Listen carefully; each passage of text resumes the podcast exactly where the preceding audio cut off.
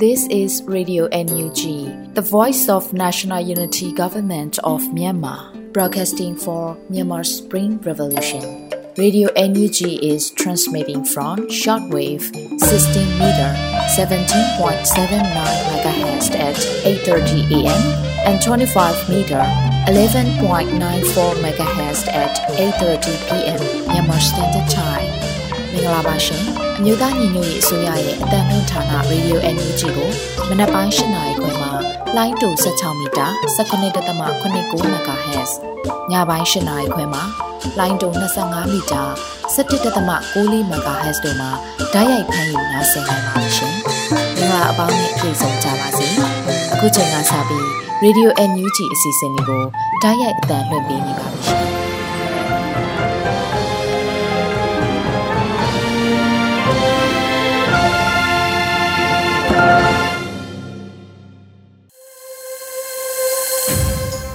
မြန်မာနိုင်ငံသူနိုင်ငံသားအပေါင်းတဘာဝပြီးဆရာနာရှင်ပေတို့ကနေကင်းဝေးပြီးကိုစိတ်နှစ်ပါးပေးကင်းလုံးကြုံကြပါစေလို့ရေဒီယိုအန်ယူဂျီဖွယ်သားများကဆုတောင်းမေတ္တာပို့သလာရပါတယ်ရှင်။အခုချိန်ကစပြီးရေဒီယိုအန်ယူဂျီရဲ့မနက်ခင်းစီစဉ်များကိုထုတ်လွှင့်ပေးတော့မှာဖြစ်ပါတယ်။ပထမဆုံးအနေနဲ့ကာကွယ်ရေးဝန်ကြီးဌာနရဲ့စီရေးသတင်းချင်းချုပ်ကိုတော့လွေဦးမောင်မှဖတ်ကြားတင်ပြပေးပါမယ်ရှင်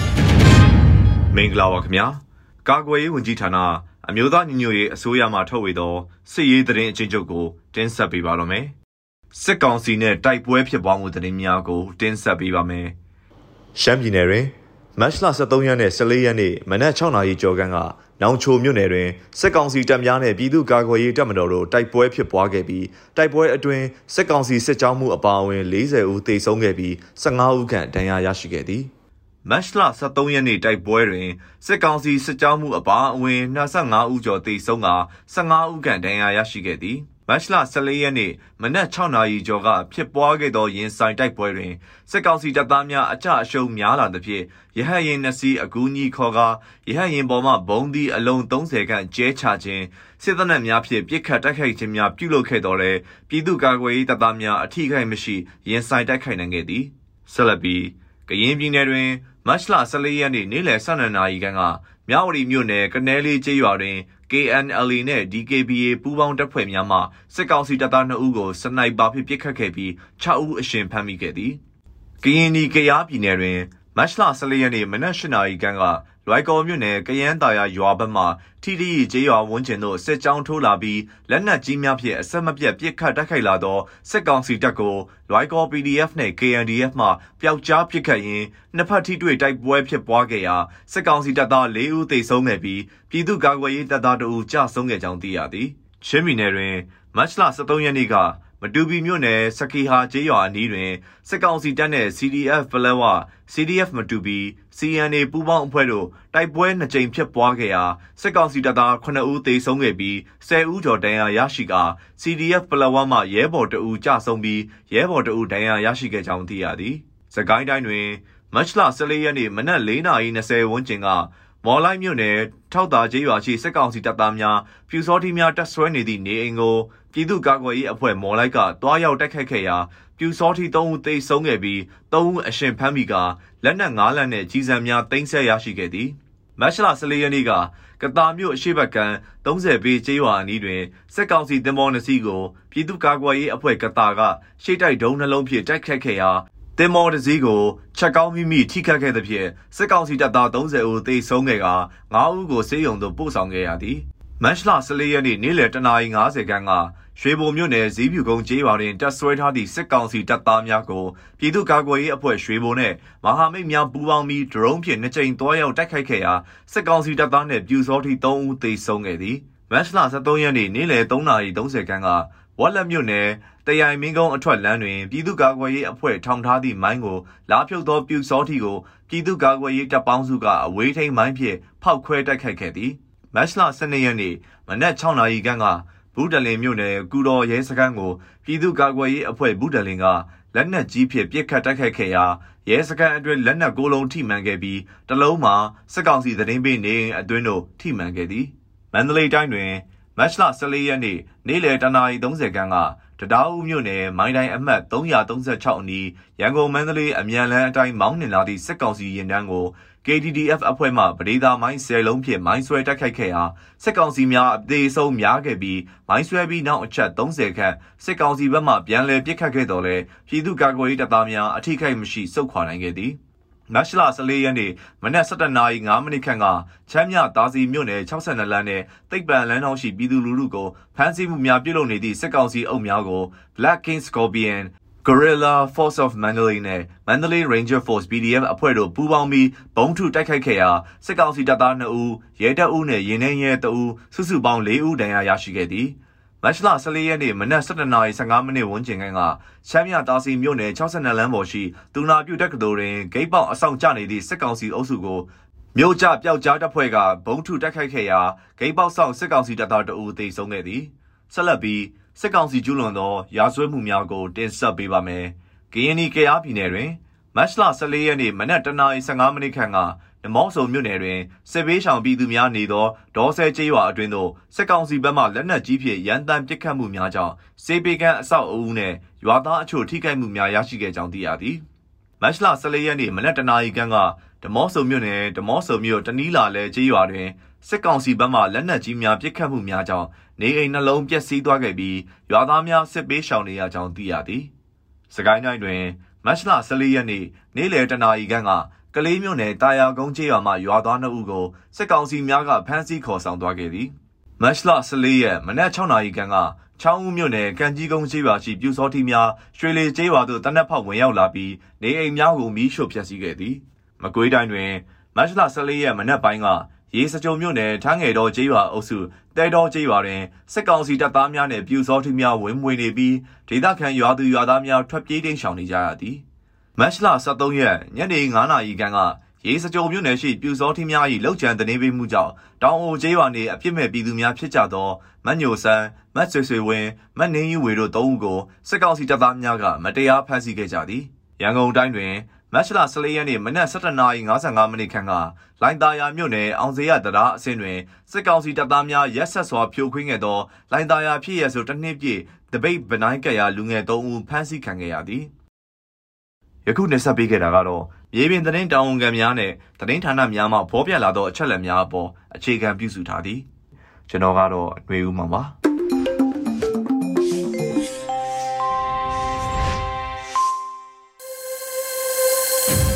ဗီဒီယိုအန်ယူဂျီရဲ့ပရိသတ်တွေကိုခုဆက်လက်ပြီးတင်ဆက်ပေးမှာကတော့နောက်ဆုံးရသတင်းများဖြစ်ပါတယ်။မျိုးဦးမှုမှဖတ်ကြားတင်ပြပေးပါမယ်ရှင်။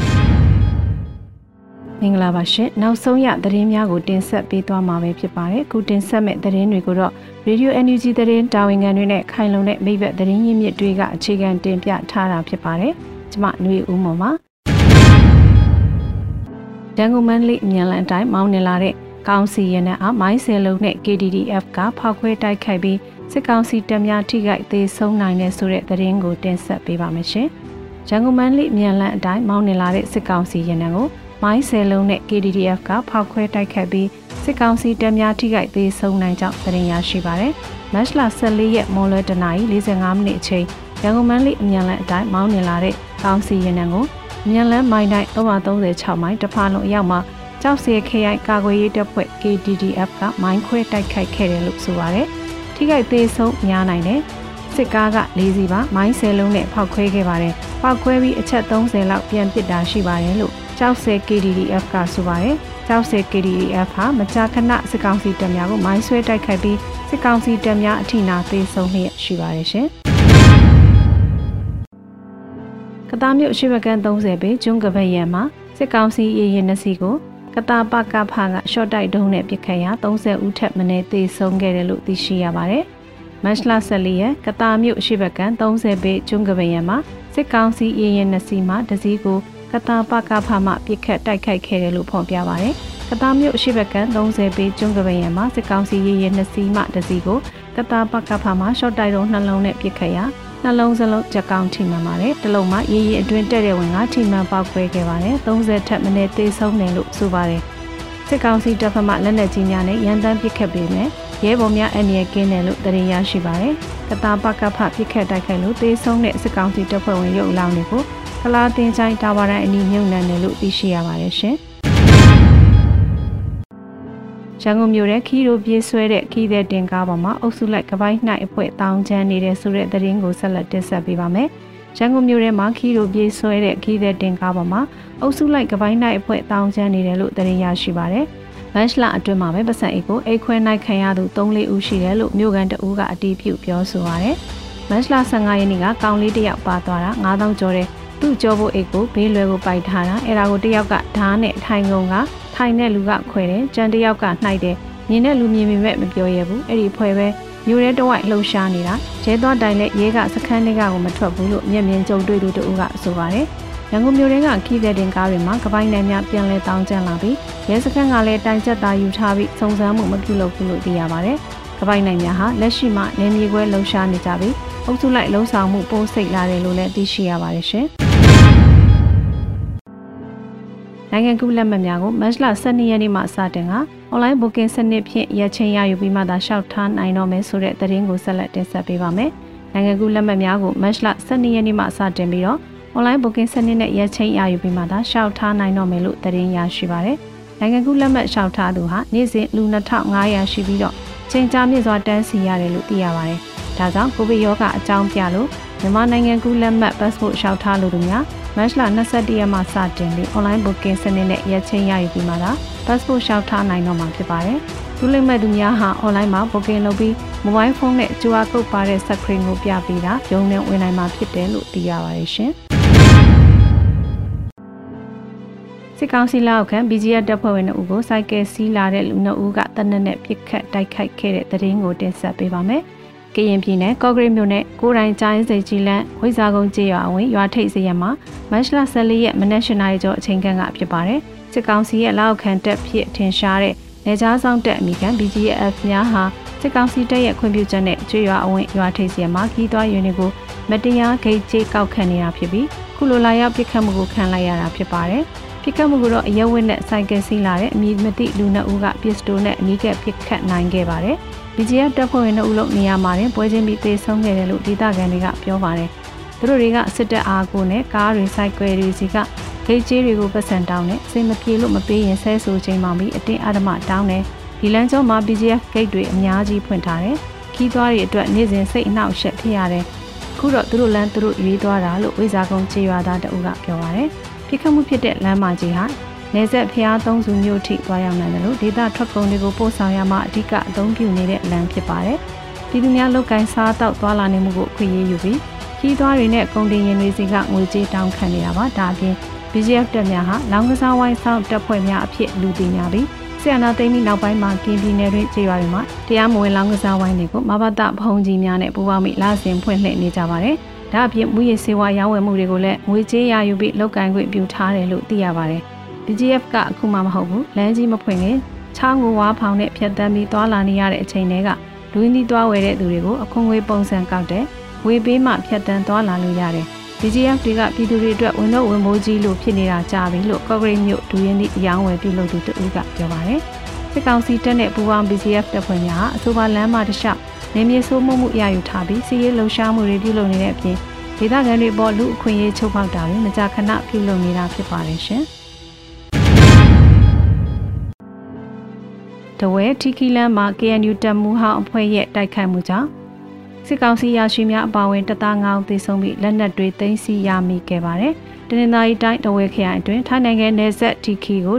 ဆက်သွယ်ထားတဲ့လမ်းပေါ်မှာ မတ်လ23ရက်နေ့ကတိုက်ပွဲဖြစ်ပွားခဲ့တယ်လို့ဒေသခံများထံကသိရပါတယ်။ထိုင်းနိုင်ငံနယ်စပ်အနီးဝါရော့ရွာနဲ့စင်မြူတိုင်ရွာကြားမတ်လ23ရက်နနက်ပိုင်းနေ့လယ်ပိုင်းနဲ့ညပိုင်းအထိတိုက်ပွဲဖြစ်ပွားခဲ့တာဖြစ်ကြောင်းလမ်းအုံပြုသွားလာနေသူတွေကပြောပါတယ်။တိုက်ပွဲမှာစစ်ကောင်စီတပ်ခလာရ26ခုဘက်က9ဦးသေဆုံး3ဦးဒဏ်ရာရခဲ့ပြီးဆက်လက်နဲ့ပစ္စည်းတွေကိုလည်းတင်ဆက်ရခဲ့တယ်လို့ပြင်တိုင်းသားဒေတာသတင်းတွေကိုဖော်ပြတဲ့ Quickly News မှာပြေတာဖော်ပြထားပါတယ်။ တင်စီရမိတဲ့စစ်ပစ္စည်းများကတော့ RPG တလက်60မမ2လက် MA2 လေးလက်နဲ့အခြားစစ်သုံးပစ္စည်းတွေတင်စီရမိခဲ့တယ်လို့ဆိုပါတယ်။သေဆုံးသူတွေထဲမှာဒုတရဲမှုလည်းပါဝင်နိုင်တယ်လို့သိရပြီးသုံးပွင့်နှစ်ယောက်ပါရှိကြောင်းသိရပါတယ်။ချိန်ချာပြစ်ခတ်တိုက်ခိုက်မှုအတွင်းမှာရဲသားချိုလည်းထိခိုက်ခဲ့ပြီးအနည်းဆုံး2ဦးသေဆုံးတယ်လို့ဒေသခံသတင်းရင်းမြစ်များကဖော်ပြထားပါတယ်။ခုရပိုင်းတွင်မှာဒဝဲထီကီလန်တခြားရှေ့တော်ဒေသမှာစစ်ကောင်စီတပ်ရဲ့စီးရေးလှုပ်ရှားမှုတွေခက်စိတ်စိတ်ရှိလာနေပြီး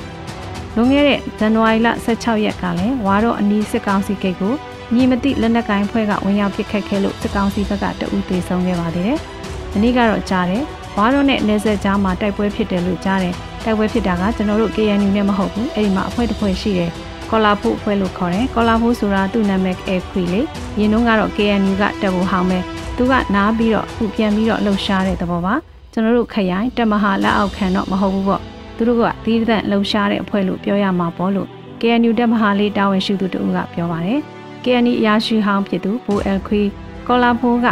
တက်မအနားယူသွားတာ10နှစ်ကျော်ကြာပြီဖြစ်ပြီးစစ်တပ်အာဏာသိမ်းပြီးနောက်ပိုင်းမှာ၎င်းရဲ့တက်ကိုပြန်လည်စုဖွဲ့ကစစ်ကောင်စီကိုခုခံတိုက်ခိုက်နေတာလို့ဆိုပါတယ်။ KNU တပ်မဟာလေးနယ်မြေဒဝဲခဲမှာတိုက်ပွဲများအကြခဏဖြစ်ပေါ်နေပြီး KNU နဲ့ထိုက်တိုက်တွေ့ဆုံတိုက်ပွဲများမဟုတ်ဘဲ ပြည်သူ့ကာကွယ်ရေးတပ် PDF ပူးပေါင်းအဖွဲ့ KNU တပ်မှုဟောင်းကော်လာဖို့အဖွဲ့တို့နဲ့ကျန်းဖက်စစ်ကောင်စီကြားတိုက်ပွဲများဖြစ်ပေါ်နေတာဖြစ်ပါတယ်ရှင်။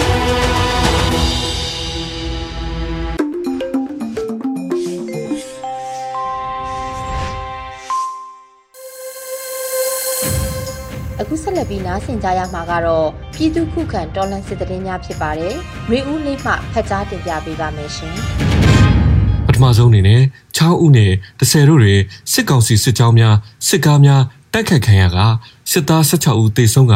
လက်နက်9လက်သိမ်းဆည်းရမိတဲ့တဲ့ရင်ကိုတင်ဆက်ပါမယ်။စကိုင်းတိုင်းချောင်းမြို့မှာထွက်ခွာလာသောအကြမ်းဖက်စစ်ကောင်စီစစ်ကြောင်းကိုမတ်လ23ရက်နေ့မွန်လွယ်ပိုင်းတွင်ချောင်းဦးမြို့နယ်ပြည်သူ့ကာကွယ်ရေးတပ်ဖွဲ့ CHU PDF က6နေရာမိုင်းဆွဲတိုက်ခတ်ခဲ့ပြီးစစ်သား12ဦးသေဆုံးကြောင်း CHU PDF တပ်ဖွဲ့ထံမှသိရှိရပါတယ်။ အဆိုပါအကြမ်းဖက်စစ်ကောင်စီတပ်ဖွဲ့များသည်ချောင်းဦးမြို့နယ်အနောက်ဘက်ခြမ်းရှိကျေးရွာများကိုထွက်ခွာလာစဉ် CHU PDF တပ်ဖွဲ့ကမိုင်းကွင်းအစစ်အစစ်ဖြင့်ဖောက်ခွဲတိုက်ခိုက်ခဲ့ပြီး6ခုမြောက်မိုင်းထောင်ထားသောနေရာဖောက်ခွဲတိုက်ခိုက်ပြီးချိန်တွင်စစ်သား12ဦးသေဆုံးပြီး20ကျော်ထိခိုက်ဒဏ်ရာရရှိခဲ့ကစစ်ကောင်စီတပ်ဖွဲ့များတေဆုံးသောစစ်သားအလောင်းများကိုကောက်ယူပြီးချောင်းမြို့နယ်တွင်းသို့ပြန်လည်ဝင်ရောက်သွားကြောင်း CHU PDF တပ်ဖွဲ့ကသတင်းထုတ်ပြန်ထားပါတယ်။ စကိုင်းတိုင်းဒဇယ်မြို့နယ်နဲ့ရေဦးမြို့နယ်ကြားစိမ့်စားရွာနီးရှိဒဇယ်ရေဦးအဝေးပြေးလမ်းတိုင်းမောင်းနေလာသောစစ်ကောင်စီဖောကာကိုမတ်လ12ရက်နေ့မိုးလွဲတနာရီ30မိနစ်ခန့်တွင်ဒေသကာကွယ်တပ်ဖွဲ့3ဘွဲ့ကပူးပေါင်းတိုက်ခတ်ခဲ့ပြီးစစ်သား၄ဦးသေဆုံးကလက်နက်၅လက်တင်စီရမိခဲ့ကြောင်း Bonus Defense Force ဒဇယ်တပ်ဖွဲ့ထံမှသိရှိရပါတယ်။ရင်းချမ်းဘတ်စစ်ကောင်စီစစ်ကားများတိုက်ခိုက်ခံပြီးနောက်တေဆုံးမှုမရှိသောစစ်သားများသည်ကားပေါ်မှဆင်းပြေးသွားပြီးတော်လဲတပ်ဖွဲ့ဝင်များကလိုက်လံပစ်ခတ်ခဲ့ကြောင်းသိရပါတယ်။ အဆိုပါအကြမ်းဖက်စစ်ကောင်စီဖောကားနဲ့စစ်ကူလာသောစစ်ကြောင်းကိုဒဇယ်ဖိနစ် Phoenix Defense Force ဒဇယ်မြို့နယ်တပ်မဟာနှင့်တပ်ရင်းခုနှစ်တပ်ခွဲ3နဲ့မြောက်ပိုင်းမဟာမိတ်တပ်ဖွဲ့ဒူဝန်တို့ကပူးပေါင်းတိုက်ခိုက်ခဲ့ခြင်းဖြစ်ကြောင်းသိရှိရပါတယ်။ဆက်လက်ပြီးဖလန်းတွင်ရဲ6ဦးလက်နက်များဖြင့်စီရီယံပြုတ်လုတဲ့တဲ့ရင်ကိုတင်ဆက်မှာပါ။ချင်းပြည်နယ်ဖလန်းမြို့နယ်ရဲစခန်းမှာရဲတပ်ဖွဲ့ဝင်6ဦးသည်မတ်လ6ရက်နေ့တွင်ဇိုလန် PDF တပ်ဖွဲ့ထံသို့လက်နက်များဖြင့်စီရီယံပြုတ်လုလာကြောင်းဇိုလန် PDF တပ်ဖွဲ့ထံမှသိရှိရပါတယ်။ ဖလန်းမြို့နယ်ရဲစခန်းမှာဒုတက်ချက်ထံပေပြန်ရဲတပ်သားလောင်ချန်ထန်ရဲတပ်သားထန်းဂျွန်မန်ရဲတပ်သားကမ်ဒင်ပွန်ရဲတပ်သားထန်ဒိန်နဲ့ရဲတပ်သားခုပ်စုံမုံတို့ဖြစ်ကြောင်းဇိုလန် PDF ကထုတ်ပြန်ထားပါတယ်ဆက်လက်ပြီးတင်ဆက်မှာကတော့မတူပီထဲပွေစခန်းသို့အင်အားဖြည့်တင်းရန်လာသောစစ်ကောင်စီတပ်ဖွဲ့ကိုချင်းတပ်ဖွဲ့များတိုက်ခတ်ရာစစ်သား၈ဦးထပ်မံတေဆုံးပြီး15ဦးကျော်ဒဏ်ရာရတဲ့တဲ့တင်မှာ ချင်းပြည်နယ်မတူပီမြို့နယ်ထဲပွေတပ်စခန်းသို့အင်အားဖြစ်တင်ရလာသောအကြမ်းဖက်စစ်ကောင်စီတပ်ဖွဲ့ဝင်အင်အား150ခန့်ကိုမတ်လ12ရက်နေ့နဲ့13ရက်နေ့များတွင်ချင်းအမျိုးသားတပ်မတော် CNA CDF ပလောဝ CDF မတူပီပူးပေါင်းတပ်ဖွဲ့များကတိုက်ခတ်ခဲ့ပြီးစစ်သား8ဦးထပ်မံတေဆုံးက15ဦးထိခိုက်ဒဏ်ရာရရှိကြောင်း PDF ပလောဝကသတင်းထုတ်ပြန်ထားတာပါ မတ်လ12ရက်နေ့စခီဟာကြီးရွာနဲ့လေးဖာလုံးအကွာခန့်တွင် မိုင်းဆွဲတိုက်ခတ်ခဲ့ရာစစ်သားတအူးတေဆုံးပြီး9ဦးကျော်ဒဏ်ရာရရှိကြောင်းမတ်လ23ရက်နေ့နနက်9:00နာရီမှ17:00နာရီထိတစ်ကြိမ်ညနေ3:00နာရီမှ9:00နာရီထိတစ်ကြိမ်တိုက်ပွဲဖြစ်ပွားခဲ့ရာစစ်သား9ဦးထံမှတေဆုံးက10ဦးကျော်ဒဏ်ရာရရှိကြောင်းတိုက်ပွဲများတွင် CNA ရဲဘော်တအူးကြဆုံးက CDF ပလောဝရဲဘော်တအူးမစိုးရိမ်ရဒဏ်ရာရရှိကြောင်းသိရှိရပါတယ်။ စစ်ကောင်စီတပ်၏လက်နက်ကြီးများဖြင့်ပစ်ခတ်မှုကြောင့်တွီဆော့ကုန်းကျေးရွာရှိ နေအိမ်တစ်လုံးစာသင်ကျောင်းတစ်ကျောင်းနဲ့ဖျားရှိခိုးကျောင်းတစ်ဆောင်ထိခိုက်ပျက်စီးခဲ့ကြောင်းဒေသခံများကိုချင်းတပ်ဖွဲ့များကလုံခြုံသည့်နေရာသို့ရွှေ့ပြောင်းပေးခဲ့ရကြောင်း CDF ပလောဝါကသတင်းထုတ်ပြန်ပါတယ်။လွိုင်ကောထီရီကျွော်နီတိုက်ပွဲတွင် PDF တပူးကြဆုံးကမတ်လ17ရက်နေ့ကရင်နီပူးပေါင်းတပ်ဖွဲ့နဲ့တိုက်ပွဲတွင်စစ်သား9ဦးခန့်တေဆုံးတဲ့တဲ့ရင်ကိုဆက်လက်တင်ဆက်မှာပါ။ KNY ပြည်နယ် လွိုင်ကော်မြို့နယ်တွင်အကြမ်းဖက်စစ်ကောင်စီတပ်နဲ့လွိုင်ကော် PDF KNDF ပူးပေါင်းတပ်ဖွဲ့များကြားမတ်လ17ရက်နေ့နဲ့14ရက်နေ့တွင်တိုက်ပွဲများဖြစ်ပွားခဲ့ပြီးစစ်ကောင်စီဘက်မှ9ဦးခန့်တေဆုံးကြောင်းလွိုင်ကော် PDF ကတဦးယနေ့တိုက်ပွဲတွင်ကြာဆုံးခဲ့ကြောင်းသိရှိရပါတယ်။ယနေ့မတ်လ14ရက်နေ့နနက်8နာရီခန့်တွင်အကြမ်းဖက်စစ်ကောင်စီတပ်သည်ကယန်းတာယာဘက်မှထီရီကျူရာဘက်သို့လက်နက်ကြီးအဆက်မပြတ်ပစ်ခတ်ခါစစ်ကြောင်းထိုးလာကြောင်းလွိုင်ကော် PDF KMDF ပူးပေါင်းတပ်ဖွဲ့တို့နှင့်ထိတွေ့တိုက်ပွဲဖြစ်ပွားရာလွိုင်ကော် PDF ရဲဘော်မျိုးအောင်ခေါ်ပေါ်လူကြဆုံကြောင်း PDF လွိုင်ကော်ထံမှသိရှိရပါတယ်။မတ်လ17ရက်နေ့တွင်လင်းဖုံလေးလမ်းခွဲရှိအကြမ်းဖက်စစ်ကောင်စီတပ်ကိုလွိုင်ကော် PDF နှင့် KNDF ကဝင်ရောက်တိုက်ခတ်ခဲ့ကြောင်းတိုက်ပွဲသည်နနက်10:00နာရီမှနေ့လယ်12:00နာရီထိကြာမြင့်ခဲ့ပြီးစစ်သား၄ဦးမှ9ဦးသေဆုံးခဲ့ကြောင်းအလောင်းများကိုကားဖြင့်တည်သွားသည်ကိုမြင်တွေ့ရကြောင်းလွိုင်ကော် PDF ကသတင်းထုတ်ပြန်ပါတယ်။ ယနေ့နနက်အစောပိုင်းတနာရီ15မိနစ်ခန့်တွင်စစ်ကောင်စီတပ်သည်စစ်ဆောင်ပြည်သူများရှိရာလွိုင်ကော်မြို့နယ်ဒေါ်ဆဲကြီးရွာအတွင်းသို့လက်နက်ကြီးများဖြင့်ပစ်ခတ်ခဲ့ခြင်းကြောင့်နေအိမ်ချို့ပျက်စီးကရွာသားအချို့ထိခိုက်ဒဏ်ရာရရှိခဲ့ကြောင်း KNDF တပ်ရင်း9ကသတင်းထုတ်ပြန်ထားပါတယ်။နောက်ဆုံးအနေနဲ့အမျိုးသားညီညွတ်ရေးအစိုးရပြည်ထောင်စုနဲ့လူမှုကြီးကြပ်ရေးဝန်ကြီးဌာနက2022ခုနှစ်မတ်လ14ရက်ရက်စွဲနဲ့ထုတ်ပြန်တဲ့ပြည်သူ့ခုခံတော်လှန်စစ်သတင်းအချက်အလက်တွေကိုတင်ဆက်ပေးသွားမှာပါ။ အာဏာသိမ်းအကြမ်းဖက်စစ်အုပ်စု၏ပြည်သူလူထုပေါ်အကြမ်းဖက်ဖိနှိပ်ဖမ်းဆီးတိုက်ခိုက်တပ်ဖြတ်နေမှုများကိုပြည်သူလူထုတရလုံးကအသက်ရှင်တန်ရေးအတွက်မိမိကိုယ်ကိုမိမိခုခံကာကွယ်ပိုင်ခွင့်ရာပြည်သူခုခံစစ် People Defenses War ကိုဆင်နွှဲလျက်ရှိပါတယ်။တရင်ချက်လက်များရာ73ရက်3လ2022ခုနှစ်နေ့ရက်တွင်စစ်ကောင်စီတပ်ဖွဲ့ဝင်44ဦးသေဆုံးပြီးထိခိုက်ဒဏ်ရာရရှိသူ15ဦးအထိခုခံတိုက်ခိုက်နိုင်ခဲ့ပါတယ်။ စစ်အာဏာရှင်စနစ်မြမမြေပေါ်မှာအပိတိုင်ချုပ်ငြိမ်းနေတဲ့ Federal Democracy စနစ်တည်ဆောက်ရေးအတွက်ငြိမ်းချမ်းစွာဆန္ဒပြသည့်လူထုတပိတ်တိုက်ပွဲများကပြည်내နဲ့တိုင်းဒေသကြီးများမှာဖြစ်ပွားပေါ်ပေါက်လျက်ရှိပါတယ်။မြေပြင်မှာယခုတွေ့ရတဲ့သတင်းအချက်အလက်များထက်ပို၍ဖြစ်ပွားနိုင်ပါတယ်ခင်ဗျာ။ကျွန်တော်ຫນွေဦးလင်းပါ။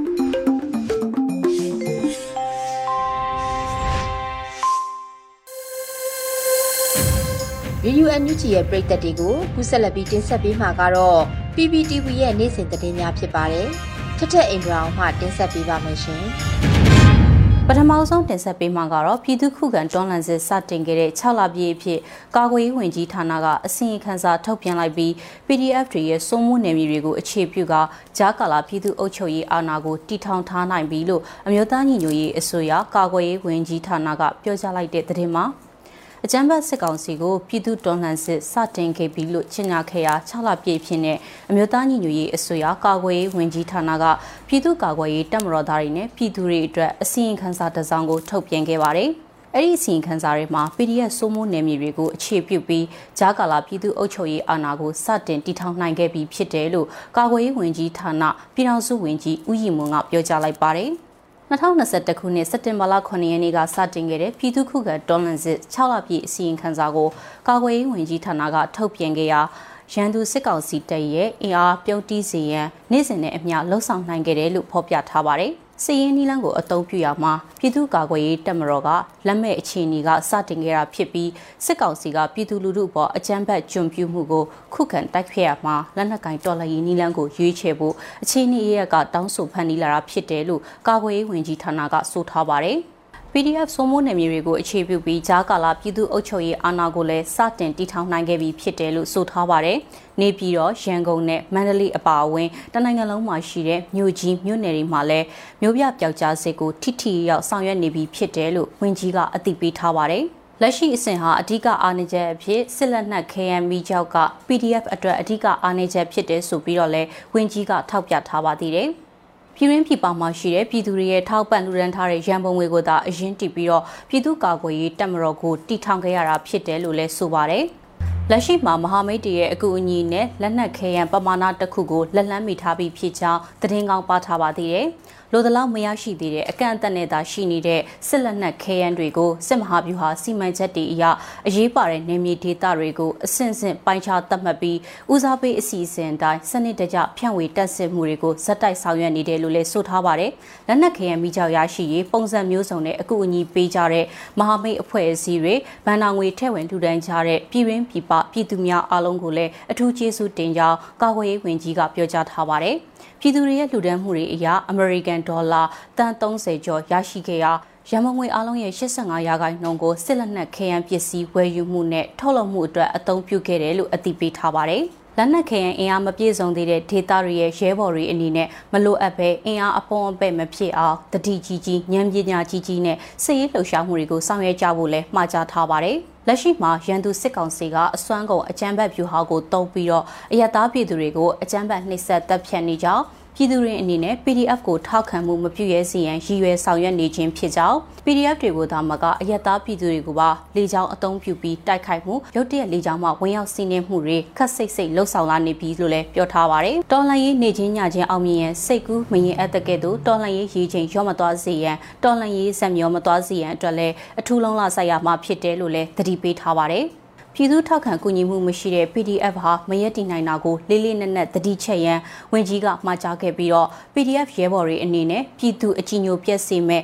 ပြည်သူနဲ့ဆန့်ကျင်တဲ့အပြုအမူအပြောဆိုတွေကိုလုံးဝတတိပြုဆင်ခြင်ကြဖို့လည်းပြောကြားထားပါတယ်။2022ခုနှစ်ကပြည်သူတော်လှန်ရေးကိုအဆုံးဖြတ်ပေးမဲ့အရေးပါတဲ့နှစ်ဖြစ်ပြီးတော့ Federal Democracy ပြည်ထောင်စုတည်ဆောက်ရေးအခွင့်အရေးကောင်းကိုဝိုင်းဝန်းကြိုးပမ်းကြမယ်ဆိုတာကလက်တကမ်းမှာရှိနေပြီလို့ဆိုပါတယ်။ နိုင်ငံရေးစီးပွားရေးစီးရေးနဲ့နိုင်ငံတကာရေးအဖက်ဖက်ကအထိနာနေတဲ့အကြမ်းဖက်စစ်ကောင်စီကိုအသက်ရှူပေါက်မပေးဘဲပုံစံမျိုးစုံနဲ့ဒရဇက် PRP တိုက်ခိုက်နိုင်ဖို့အတွက်တော်လှန်ရေးအင်အားစုများရဲ့သွေးစည်းညီညွတ်မှုကအထူးအရေးကြီးပြီး PDF အလန်တော်အောက်မှာအားလုံးစုစည်းကြဖို့လဲနှိုးဆော်ထားပါတယ်။ပြည်သူ့ခုခံတော်လှန်စစ်ရဲ့6လတာအတွေ့အကြုံကိုပြန်လည်သုံးသပ်ပြီးတော့အာသာချက်အားနည်းချက်တွေကိုဖော်ထုတ်ကရှေ့ဆက်ရမယ်တော်လှန်ရေးခရီးအတွက် တင့်တော်တဲ့အစီအစဉ်တွေချမှတ်သွားမှာလို့လည်းပြည်ထောင်စုဝန်ကြီးကပြောကြားထားတာကိုတွေ့ရပါတယ်။ဆက်လက်တင်ဆက်ပေးမှာကတော့အထူးဒေသအုပ်ချုပ်ရေးနယ်မြေရဲ့ပြည်သူ့အုပ်ချုပ်ရေးအဖွဲ့တွေနဲ့ပြည်ထရေးဝန်ကြီးဌာနဝန်ကြီးဦးလွင်ကိုလက်တို့တွေ့ဆုံဆွေးနွေးခဲ့တဲ့ဆိုတဲ့သတင်းကိုတင်ဆက်ပေးပါမယ်။